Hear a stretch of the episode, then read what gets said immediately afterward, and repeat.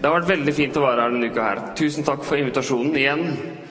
Eh, Og det har vært en opplevelse som jeg ikke pleier å ha. Skal jeg, si. jeg har vært helt i min egen lille sånn taleboble og jobbe, skrive, tale og forberede meg. Det har vært fantastisk gøy. Og eh, jeg sa litt tidligere i uka at jeg syns dere var modige når dere spurte meg. Og dere visste ikke hva dere gikk til, og jeg var ganske modig som svarte ja, følte jeg også. Eh, Men, og noen sa at det er så hyggelig å ha en sånn ung fellesmøtetaler. Og så føler jeg meg ikke så veldig ung. Jeg syns du skal invitere en på 20-tallet neste år. Jeg tror jeg sa en eller annen gang eh, tidligere i uka at jeg er 35 år. Jeg tror jeg har sagt det flere ganger, men så gikk det opp for meg. Nei, jeg er bare 34. Så Men uansett, jeg ringte fra Fevennen i dag for å skrive om eh, fellesmøtene som er i gang. Skal vi skrive en sak i morgen? Jeg sa ok, vi nærmer oss slutten, sa jeg, og i kveld skal jeg tale om ingenting, så jeg vet ikke om det er noe å skrive om. Men det kommer en sak i FVN i morgen, kanskje, om fellesmøtene som er eh, ferdig, da blir det vel. Men da spurte han om eh, ja, hva tenker du nå som du har vært her en uke, og hva tenker du om Sørlandet? Og, og da svarte jeg at vet du hva? Kristiansand burde være glad for at de har så mange gode mennesker som bryr seg så mye om byen sin. For det har jeg møtt denne uka her. Så mange gode mennesker med varme øyne, en god klem, og som ber gode bønner, og som er opptatt av det beste for byen sin. Og veldig mange av de sitter her inne, og jeg vil bare si heia dere, og heia Kristiansand. Så, og så syns jeg at det var litt puslete i stad når eh, vi takka fellesmøtekomiteen og Erik. De har gjort en fantastisk jobb. Kan vi ikke gi dem en applaus til, folkens?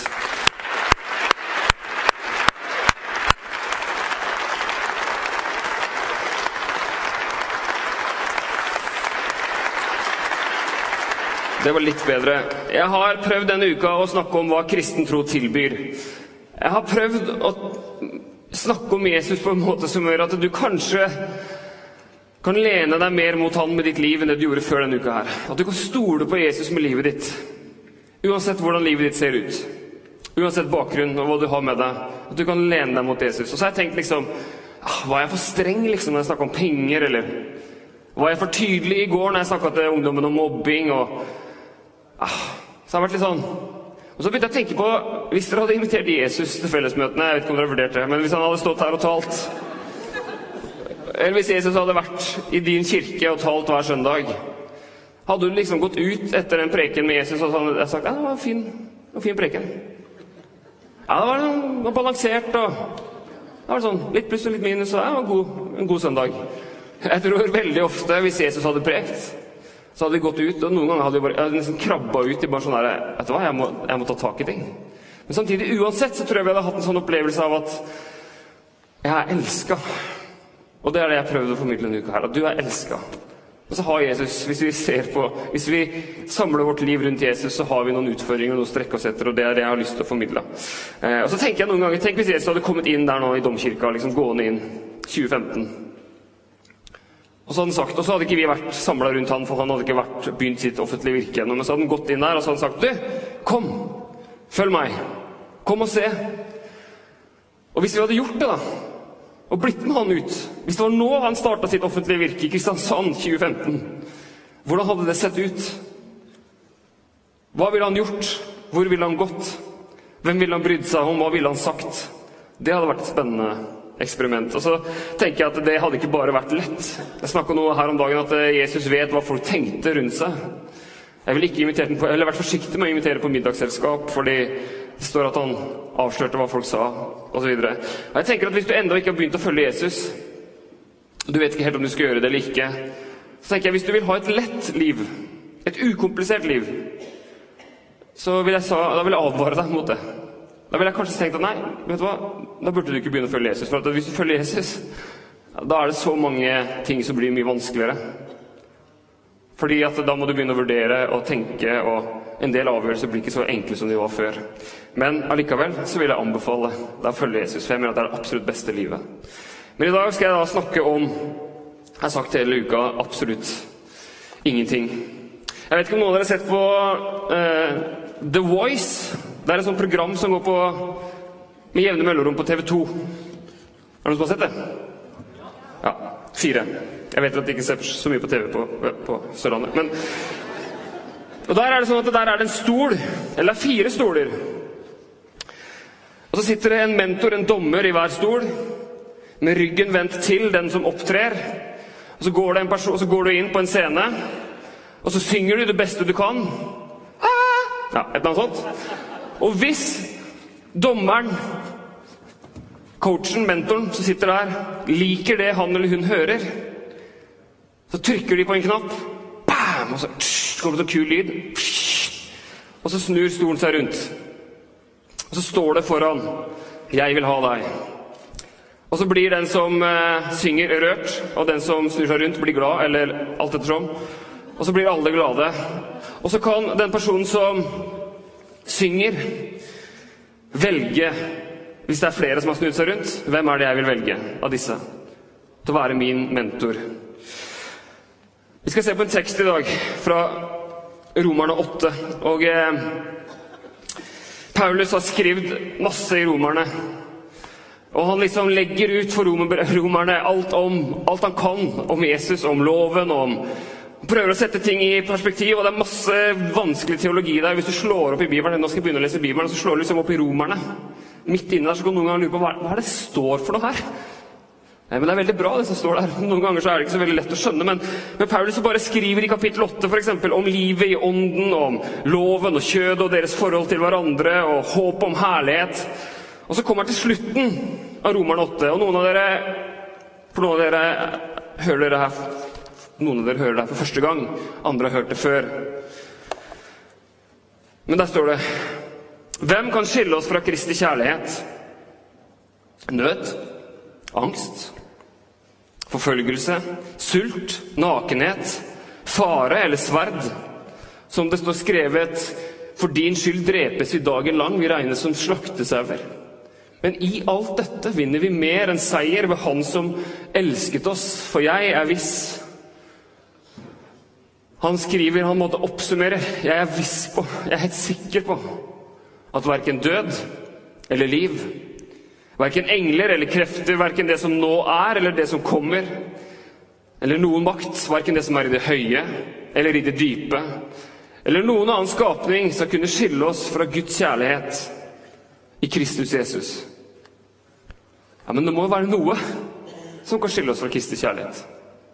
Det må da være noen ting som kan skille oss fra Kristi kjærlighet. Ja, la oss gå gjennom bare det Paulus skriver. Død eller liv? Er det noe som kan skille oss fra det vi elsker? Fra ektefelle, fra familie, fra venner? Ja, så er det jo døden. Til døden skiller oss, osv. Og, og døden er brutal. Enten den kommer snikende, eller plutselig. Den rammer absolutt. Den gjør ikke forskjell på folk. Fattig og rik, kjent og ukjent. Det finnes ingen livsforsikring mot døden. Du kan ikke dra visakortet. Ikke, det er ikke 30 dagers returrett. Døden er 100 Jeg traff Per Fugelli i fjor, og det var en stor ære. Sosialmedisineren og samfunnsdebattanten som oppdaget at han selv var kreftsyk mens han holdt på å skrive en bok om døden og hvordan døden håndteres i forskjellige kulturer. Og så skrev han boken 'Døden skal vi danse'. Og Vi snakka sammen om døden og om livet og om tro. Og han sa han leter etter Gud. Og han sa han ikke vil dø, for livet har så mye bra med seg. Og sånn er det jo. Vi vil jo ikke dø, for livet har så mye bra med seg. Men det skal bli spennende å se, sa han, hva som skjer når man dør. Men ikke alle ser sånn på det. Det står at menn, eller Noen sier at menn frykter døden slik barn frykter mørket. Og noen sier at vi har aldri vært så redd som å dø som i dag. Vi kontrollerer alt. Omgivelsene våre Nesten det eneste vi ikke kontrollerer, er liksom naturen og noen andre ting. Men vi kontrollerer ikke døden. Og vi har aldri vært så redd, dø, for, redd, redd, som, redd for å dø som i dag. Og noen, jeg leste en sånn var det Per Heggeli som skrev i Aftenposten for noen år siden. jeg har det ikke her, men Han sa noe om at vi tror at døden er en funksjonsfeil som helsevesenet kan ordne opp i. Altså, Det må være noe feil med døden. Det kan ikke stemme. så Det her må helsevesenet ta tak i. liksom. Mer penger til velferdsstaten, så ordner vi det der med døden. Nei, nei. Men Jesus sier at døden ikke er punktum om man tror på han. Og Det er sterkt å stå ved kanten av et hull i bakken på en kiste fylt av roser, og helle på jord Og så siterer Jesus og sier, 'Jeg er oppstandelsen og livet'. Den som tror på meg, skal leve om han enn dør. Og hver den som lever og tror på meg, skal aldri i evighet dø. Døden er verdens største skilsmisseagent. Men, men kan den skylde oss for Guds kjærlighet? Nei. Og heller ikke livet. For det sto død eller liv. Det fins mange ting i livet som skiller oss fra hverandre. Krig, fattigdom, urettferdighet, sykdom som skiller oss fra de vi elsker, og som kanskje ikke lenger kjenner oss igjen. Og synd gjør at vi gjør idiotiske ting som skaper avstand til de rundt oss. Vi snakka om det på tirsdag. HM, HMTKTT. Hvordan vi mennesker knoter det til. Vi ljuger, vi ser ned på, vi baksnakker, vi utnytter, og så blir det skiller. Og så blir det skilsmisser. Men kan en skilsmisse skille oss fra Guds kjærlighet? Nei. Ingenting som dette livet gir, kan skille oss fra Guds kjærlighet. Ikke knuste ambisjoner, ikke mislykka planer, ikke dårlige investeringer, ikke feil karrierevalg, ikke et feigt svar på et kall, ingen voksende sykdom, ingen alder, ingen konkurs, ingen brutte relasjoner, verken død eller liv, kan skille oss fra Guds kjærlighet i Kristus Jesus. Men hva med engler eller krefter? Og, eller engler og demoner, som det også kunne vært oversatt. Hva med de? Og Det er kanskje ikke sånn du går rundt og tenker på så mye, mye til vanlig. Jeg lurer på hva englene og demonene tenker nå. liksom. Jeg går ikke og tenker mye på det. Men altså, det lurer man engler, Paulus, er ikke, de, er ikke de gode, da? Er ikke de Guds? Ønsker de å skille meg fra Guds kjærlighet? Det er jo rart. Og svaret på det er jo nei. Selvsagt ønsker de ikke det. Men om de så ville, så hadde de ikke klart det.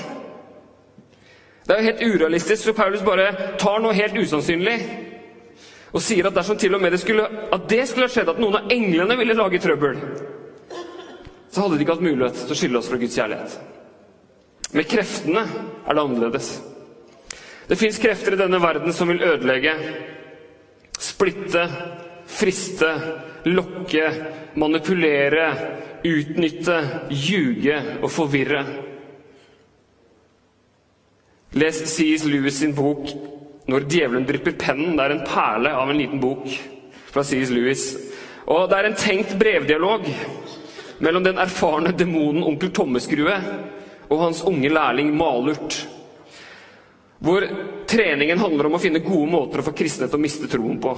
Og onkel Tommeskrue skriver brev til denne lille demonlæringen sin, og så, det, så, leser man liksom dette her, og det er fantastisk. Det Man sitter og ler liksom, denne demonen skriver altså. Men så tar C.S. Lewis noen ting på kornet. Jeg skal bare vise et par eksempler. Onkel Tommeskrud skriver alle ekstremiteter, bortsett fra en ekstrem overgivelse til fienden, bør oppmuntres. Og Hvordan vipper kristne av Jo, oppfordre til ekstremiteter, det er bra. Eller han sier det er ting som mennesker gjør hele tiden som ikke plager han, altså Gud, i det hele tatt. Sove, vaske, spise, drikke, elske, leke, be, arbeide. Alt må vris og vrenges på før det kan være til nytte for oss, skriver denne onkel Tommeskrue, denne demonlæreren. Men uansett hvor flink onkel Tommeskrue eller malurt er, kan de skille oss fra Guds kjærlighet? Nei. Men de kan, tvile på om vi er, de kan få oss til å tvile på om vi er elska, om vi er bra nok. Djevelen er en løgner og sier 'Er du sikker på at du er bra nok?' Husker du den gangen og så vil han minne deg om episoder som Gud har glemt i sin tilgivelse for lenge siden. Han kommer drassende med gjeldsbrevet. Du vet når du tar opp gjeld, eller tar opp gjeld, eh, lån i en bank, så får du et gjeldsbrev. Jeg trodde ikke man fortsatt hadde det, men jeg fant ut for noen år siden at det fins fortsatt gjeldsbrev. Så kommer han drassende med det, men i dette brevet eller I brevet til kolosserne skriver Paulus om dette brevet. Gjeldsbrevet mot oss slettet han. Det som var skrevet med lovbud. Han tok det bort fra oss da han naglet det etter korset. Det er så heftig, liksom. Det er bare så fysisk. Han nagla det etter korset. Han kledde maktene og åndskreftene nakne og stilte dem fram til spott og spe, onkel Tommeskru og Malurt, da han viste seg som seierherre over dem på korset. Det vi snakker om, er ikke en billig nåde. Det kosta Jesus livet, men han nagla gjeldsbrevet fram til korset. Så om han onkel Tommeskrud kommer med drassende med det til deg, sier du Husker du den gangen at Er du sikker på at du er bra nok? Og så kan du bare si vet du det der, brevet der, er nagla fast etter korset. Um, så kan han si hva han vil. Det er noen som sier at uh, djevelen er en, en løve, men han har ikke tenner. Han kan skremme, men han kan egentlig ikke gjøre noe. Kan kreftene såre og splitte og skape tvil? Ja, det kan de. Men det er også alt de kan gjøre. Så kan engler og krefter skille oss fra Guds kjærlighet? Nei. Englene vil ikke, og kreftene kan ikke. Men hva med det som er nå, eller det som kommer? Det som nå er, eller det som kommer? Og Her beveger vi oss inn på tidslinja. Er det noe som skjer akkurat nå?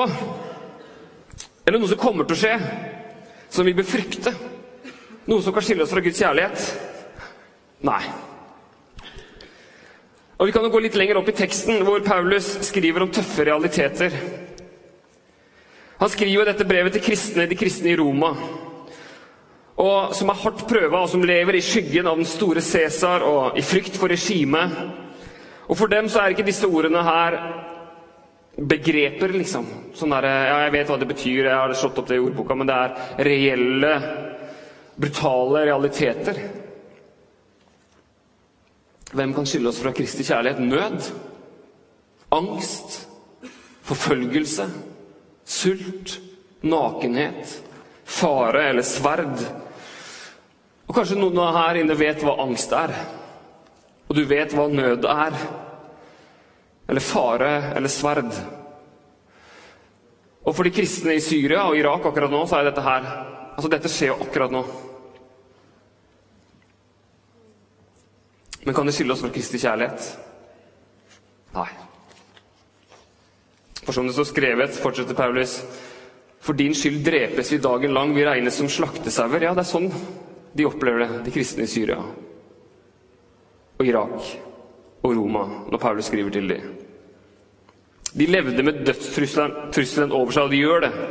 Og Paulus vet hva det er snakk om. Han har sultet, han har blitt forfulgt, han har blitt steina, han, han, han, har blitt sviktet, han har levd i fare. Han vet på kroppen hvordan det er. Og så fortsetter han, men i alt dette vinner vi mer enn seier ved Han som elsket oss. Hæ? Hva mener du med det, Paulus? Vi vinner mer enn seier? I alt dette vinner vi mer enn seier. Det virker som han sier at man kommer ikke til å vinne i enhver situasjon.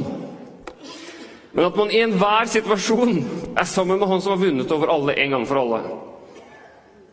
Fordi Jesus vant over alle da han overvant døden. Så den store kampen er på en måte allerede vunnet. Så når vi i vår hverdag, i vårt her og nå, står midt oppi tøffe utfordringer og kamper, så er ikke alt på spill. Man er allerede på vinnerlaget. Jeg husker jeg satt på terrassen en gang og så, så jeg på den teksten her sammen med en venn av meg som jeg har blitt kjent med i det siste. og han er ganske I de fleste synlige ting, ytre ting, så har han knapt noen ting. F.eks. så har han ikke lovlig opphold i Norge.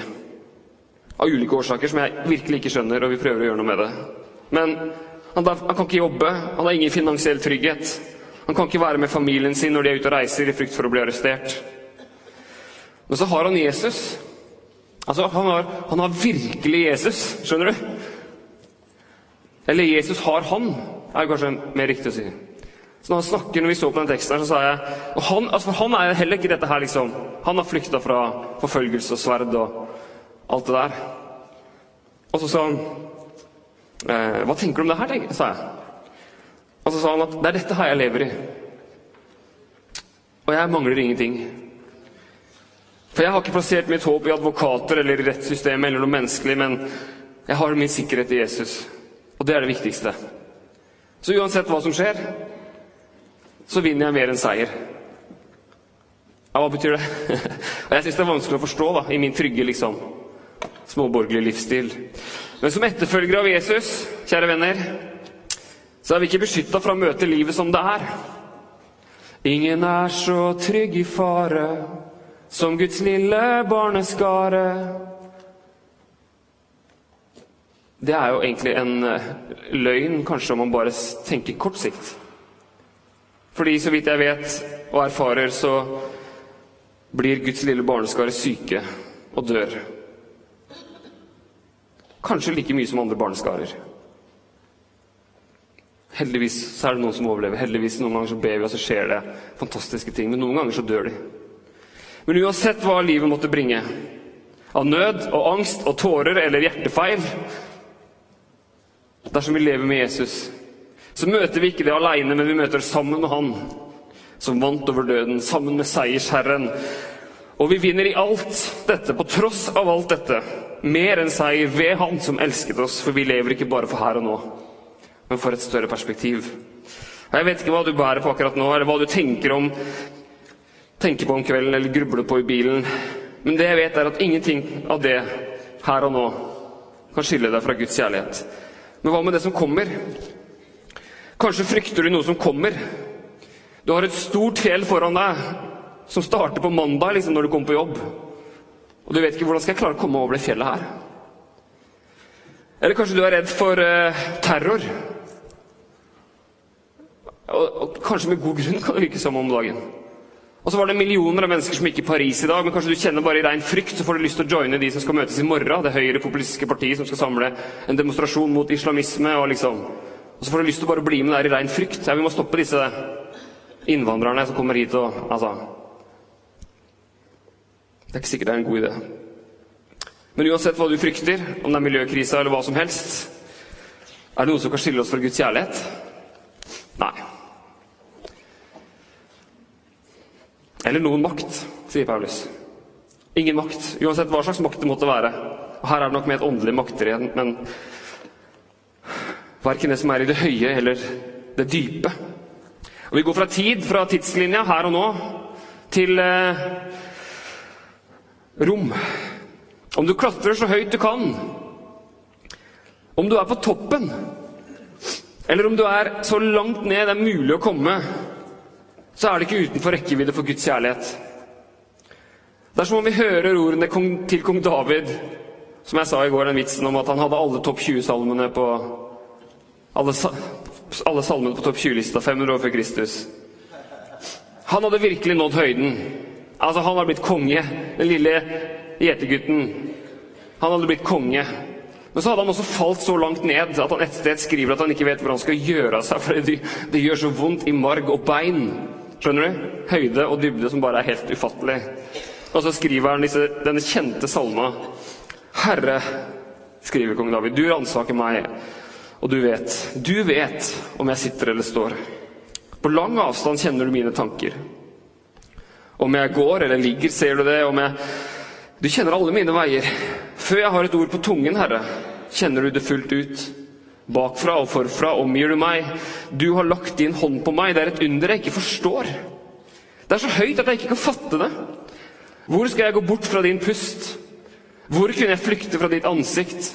Stiger jeg opp til himmelen, er du der. Legger jeg meg ned i dødsriket, er du der. Tar jeg soloppgangens vinger og slår meg ned der havet ender, da fører din hånd meg også der. Din høyre hånd holder meg fast. Uansett om du er på høyden av ditt liv og aldri vært så høyt oppe noen gang, eller om du er så langt ned at du ikke vet hvordan du skal komme deg opp igjen, kan du skille deg fra Guds kjærlighet i Kristus Jesus? Nei. Og Paulus, vi begynner å skjønne poenget nå. Vi begynner å skjønne poenget, og eh, det poenget skjønner Paulus også, så han bare legger til Eller noen annen skapning. Og Det er som om man har vært innom alle kategorier, og om man har glemt noe om jeg har glemt noe her, så bare legger jeg til om noen annen skapning. Han samler det i dette ordet, som inneholder egentlig flere dimensjoner. Fins det noen skapning, noe som er skapt, noe i hele universet, i alle universer, som kan skille oss fra Guds kjærlighet til Kristus Jesus? Nei, sier Paulus. Det er her du kan fylle inn hva du måtte ønske. Det er det det ordet egentlig betyr. Her kan du fylle inn hva du måtte ønske. Og hva er det du kan fylle inn på den linja der? Det er en åpen strek. Dette kan ikke skille meg fra Guds kjærlighet til Kristus Jesus, min Herre. Jeg vet ikke hva du får lyst til å skrive på den setningen. Hva er det du kom inn her med i dag? Hva er det du sitter og tenker på når du hører det her hjemme? Eller er ute og kjører bil? Er det en hendelse du har opplevd? Er det en avhengighet du har? Er det en feil? Er det en tvil? Tvil kan ikke skille deg. Eller så kan du skrive 'tvil kan ikke skille meg'. Er det manglende engasjement, lite overgivelse, puslete bekjennelse? Hva vil du skrive? Se det for deg, se, se det for deg når vi nå leser det som står rett over det vi har lest så langt. For Paulus begynner, før vi leste i stad, så begynner han med dette her. Hva skal vi så si til dette? Er Gud for oss? Hvem er da imot oss? Han som ikke sparte sin egen sønn, men ga ham for oss alle, kan han gjøre noe annet enn å gi oss alt sammen med ham? Hvem kan anklage dem Gud har utvalgt? Gud er den som frikjenner. Hvem kan da fordømme? Kristus Jesus er den som døde, ja, mer enn det. Han sto opp og sitter ved Guds høyre hånd, og han ber for oss. Gud er for deg. Skjønner du det nå? Gud er for deg. Ikke imot. Han er ikke likegyldig. Han er ikke nøytral. Han er for deg. Han ga Jesus for oss alle. Han sparer ikke på noe. Gud er den som frikjenner. Hvem kan da fordømme? For Kristus Jesus er den som døde. Ja, mer enn det. Han sto opp og sitter ved Guds høyre hånd, og han ber for oss. Ikke bare har du universets dommer på din side, du er også en advokat sammen med han som ber for deg, og som vil ditt beste. Skjønner du det? Absolutt ingenting kan skylde deg fra Guds kjærlighet til Kristus Jesus. Og Det er hva kristen tro tilbyr. Og så kanskje du lenge har levd ditt liv og tenkt at Guds stol, den er vendt. Han sitter med ryggen til.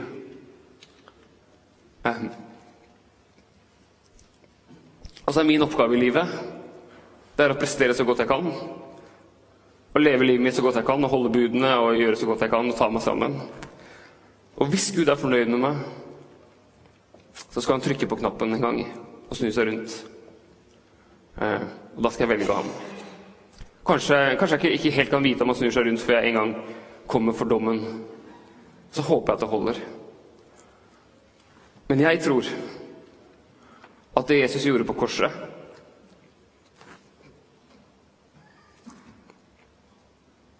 Det var at han en gang for alle snudde seg rundt. Og så står det der 'Jeg velger deg'. Jeg er for deg.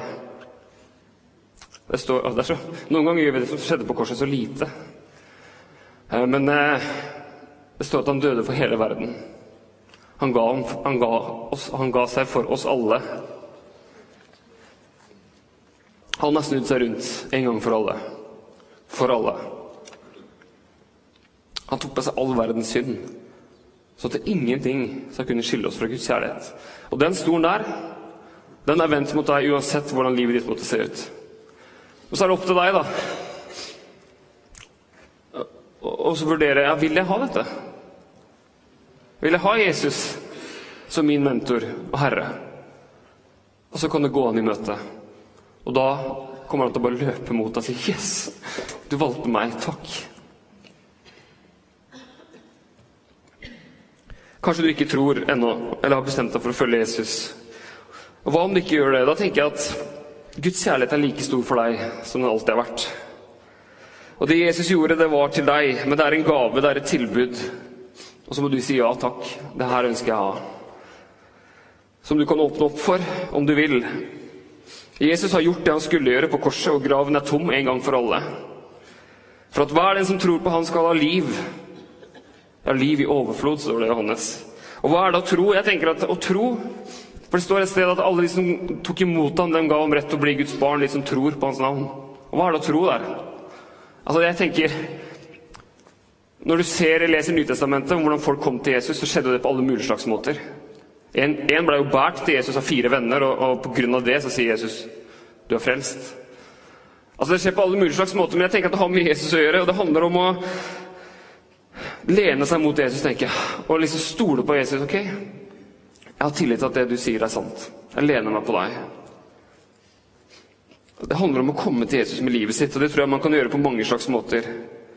Og jeg tenker at Dersom du ønsker å ta imot og si ja til den invitasjonen, så er det ikke vanskelig. Jeg tror ikke Gud har gjort det vanskelig. Kanskje er det en enkel bønn å si Gud. Det her ønsker jeg å ha. Jeg ønsker å ha absolutt ingenting som kan skille meg fra deg. Jeg sier ja til den invitasjonen. Eller kanskje du sier at Gud, jeg er åpen for å ta imot det du har for meg. Vis meg nå hvordan jeg skal gjøre det. Eller bare si ja. Takk, Jesus. Eller kanskje du ikke er klar for det helt ennå. Eh, men så kanskje din bønn i kveld, eller det du skal tenke, er liksom Det her har jeg lyst til å sjekke ut mer. Og vurdere og, om dette her er sant. Um, og gå i retning av å sjekke ut mer om hva det er. Alle dem som tok imot ham, dem gav ham rett til å bli Guds barn. Absolutt ingenting Fikk dere med dere det poenget? Absolutt ingenting kan skille oss fra Guds kjærlighet til Kristus Jesus.